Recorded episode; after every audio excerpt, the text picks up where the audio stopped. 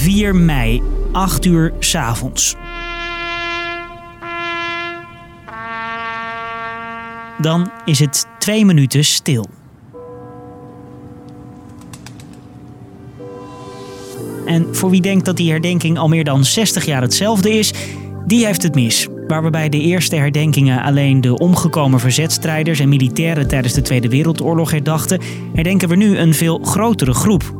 En daar is niet altijd iedereen het mee eens. Omdat er om 8 uur oorlogsmisdadigers worden herdacht. Bij het woord dodenherdenking, dan komt er bij mij op witte dodenherdenking. Wie bepaalt wie we op 4 mei herdenken? En waarom is daar zo vaak discussie over? Ik ben Marco en ik leg het je uit. Lang verhaal kort. Een podcast van NOS op 3 en 3FM. Dan denk ik aan uh, hoe de mensen voor ons hebben gevochten voor dit land. Aan al die mensen die ik niet ken, maar die wel voor ons gestorven zijn. En dat het sowieso nooit meer in menselijke historie mag herhaald worden. De allereerste dodenherdenking was al een paar dagen na het officiële einde van de Tweede Wereldoorlog. Op 9 mei organiseert oud-verzetstrijder Jan Drop een herdenking voor zijn gesneuvelde kameraden op de Dam in Amsterdam. Het is de start van een traditie. Een jaar later is de eerste officiële herdenking volgens het memorandum. Daarin staat wie we precies herdenken. Voor de tweede maal sinds de Duitse overheersing herdenken wij onze gevallen landgenoten. In de jaren 70 lijken mensen de herdenking een beetje te vergeten. Weet je wat voor avond het is? Geen idee. Wat zegt jou de 4e mei? Herdenkingsdag van... Uh, ik weet niet. En daarom besluit in de jaren 80 de overheid zich te bemoeien met de herdenking. In 1987 wordt daarvoor het Nationaal Comité 4 en 5 mei opgericht. Die vanaf dan de nationale herdenking gaat organiseren. Een jaar later wordt de herdenking verschoven naar 8 uur s avonds. En is hij live te zien op tv. En we schakelen nu rechtstreeks over naar de Dam in Amsterdam voor de nationale dodenherdenking. Door de jaren heen is het memorandum, die officiële tekst dus, waarin staat wie we herdenken, meerdere keren aangepast. Al na een jaar worden op verzoek van de regering niet alleen omgekomen verzetstrijders herdacht, maar ook militairen. Rondom de eenvoudige houten kruisen werden bloemen neergelegd.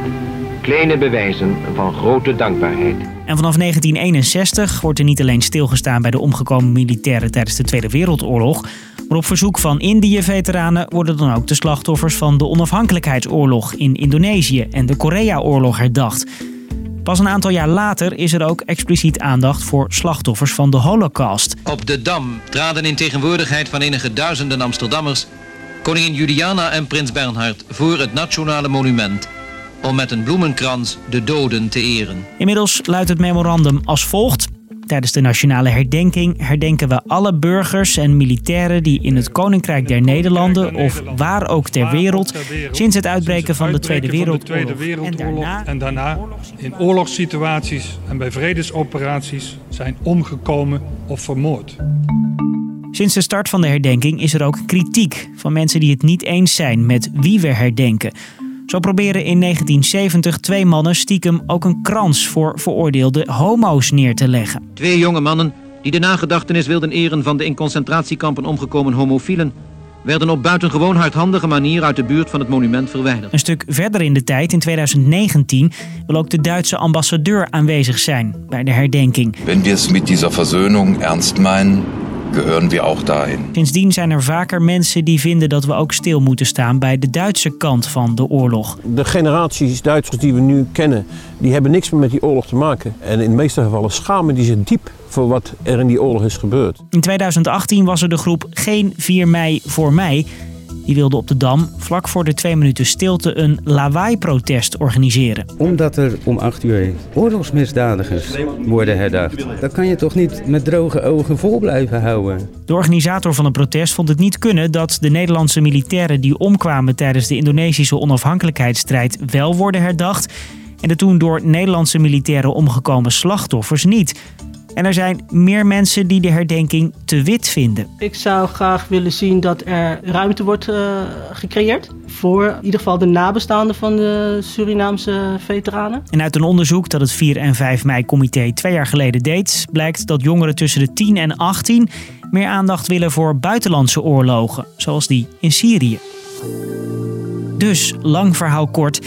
Sinds de eerste officiële dodenherdenking in 1946 is er al heel wat veranderd. In de eerste jaren herdachten we alleen de omgekomen militairen en verzetstrijders tijdens de Tweede Wereldoorlog.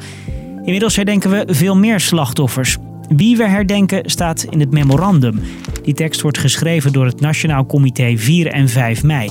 Sinds 1987 zijn zij verantwoordelijk voor de nationale herdenking en beslissen ze dus voor wie er een krans wordt neergelegd op de Dam. Er wordt nu een krans gelegd voor mensen die tijdens of direct na de Tweede Wereldoorlog gevangen werden genomen en vermoord. Dat was hem weer voor nu. Bedankt voor het luisteren.